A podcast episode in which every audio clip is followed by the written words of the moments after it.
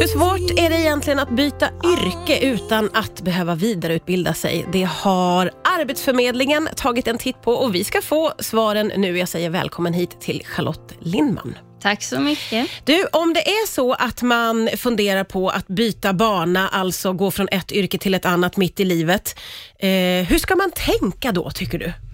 Ja, men för det första så ska man nog tänka på att eh, har du goda förutsättningar att du jobbar inom ett yrke som ligger högt upp på den här listan, Eh, så har du goda möjligheter också att byta till ett annat yrke. Och de, eh, de yrken som ligger högt upp, det är oftast inom teknik och IT, inom de sociala yrkena, inom pedagogiska yrken och även inom hälso och sjukvård. Mm, så då ska man liksom våga ta steget. För jag tänker att många av oss har tänkt tanken att man skulle göra något helt annat, men man vågar väl inte tro att man skulle kunna det kanske? Mm, nej, men man kanske har lite dålig självförtroende i det här, att varför kan min kompetens verkligen funka i andra branscher? Ja. Men många gånger, framförallt om man, om man är mitt i livet, då har man ju värdefull kompetens som man kan ta med sig in i ett nytt yrke. Mm.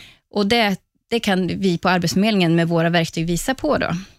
Eh, och vilka, inom vilka yrken, du var ju inne på det här nu då, har man liksom störst chans att kunna hoppa vidare till något helt annat? Ja, men om du har alltså, tekniken med dig, du har viss eh, digitalisering, du jobbar med verktyg, eh, olika datasystem och sådär. Och det gör vi ju i väldigt många yrken idag. Nästan Ja. inga yrken kommer man ju ifrån det.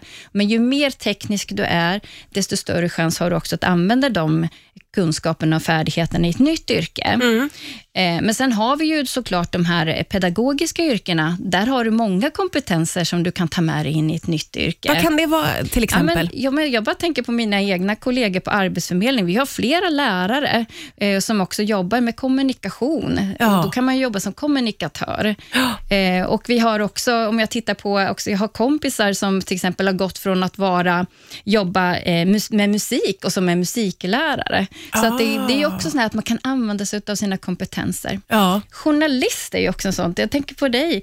Eh, har ju också goda möjligheter att ha olika typer av yrken. Du kan jobba som kommunikatör, du kan jobba lä- som lärare, du kan jobba kanske inom, eh, som programledare som du gör och så vidare. Så att det finns många möjligheter. ja, precis. Man ska eh, våga tänka utanför boxen och Jajamän. kanske får man ta hjälp lite av Arbetsförmedlingen också, Ja, och där jag. har vi ju bra verktyg på arbetsförmedling.se som man kan ta hjälp och få exempel på yrken som man faktiskt passar som. Ja, vi har ju haft två år som har varit väldigt, väldigt tuffa för många branscher och många har fått lov att byta yrke fastän man kanske inte har velat det. Jag tänker eh, både lite grann på restaurangbranschen och även flygbranschen drabbades ju väldigt hårt. Absolut. Vad har de för möjligheter att byta yrke? Ja, och de, de är, man kan väl säga att det kategoriseras som sociala yrken, bland annat. Då. Eh, och där har vi ju ändå sett att har man de kompetenserna så är det lättare att ta med sig det också in i ett nytt yrke. Eh, och när du säger just det här inom flygbranschen, där såg vi tydligt att det fanns ju väldigt konkret att många flygvärdinnor fick ju en snabbutbildning för att kunna gå in och jobba inom vården. Och då har man ju lite förkunskaper både inom sjukvård, liksom det här akuta, att kunna hjälpa personer om någonting händer på en flyg, under en flygning. Eh, men de, där har vi haft en fantastisk möjlighet att kunna ta hjälp av dem just inom, inom sjukvården. Och då var ju klivet inte så stort, för att där fanns det en del förkunskaper. Ja, just det.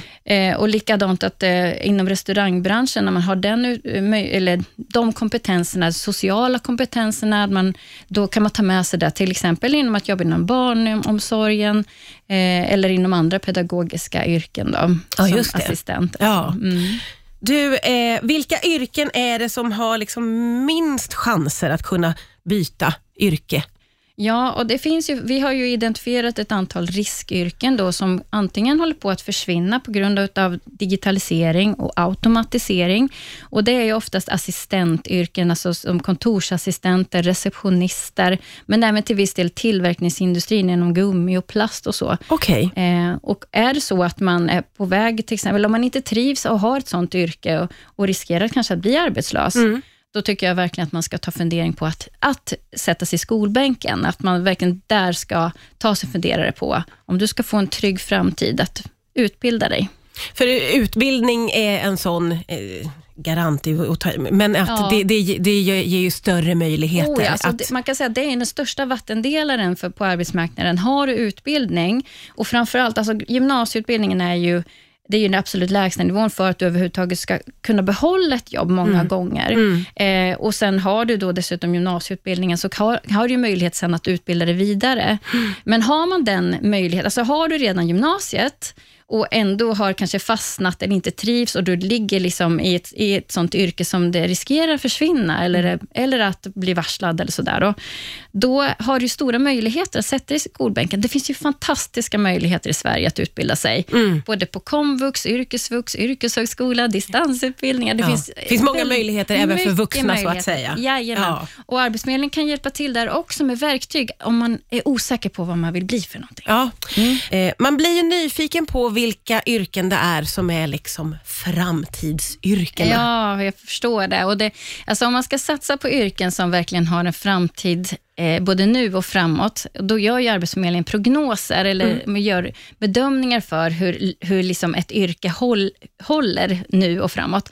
Och om vi tittar på gymnasienivå, ja, men då har vi ett av de absolut vanligaste yrkena i Sverige, det är undersköterska. Okej. Och Det är ju inte jättelång utbildning. Eh, och där behövs det flera. Och Som undersköterska kan man ju också utvecklas och jobba Ja. med så otroligt många saker. Allt inom äldrevård, du kan jobba med barn, du kan jobba med teknik och du kan jobba med rådgivare. Alltså, det finns jättemycket där. Mm.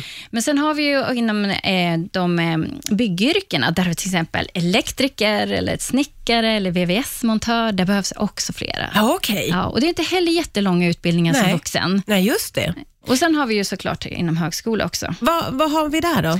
Ja, men, där likadant, eh, om vi säger just inom sjukvården, sjuksköterskor ligger på toppyrket om man tittar på Platsbanken just nu, vilka yrken som, som flest behöver nu, det är sjuksköterska. Ja.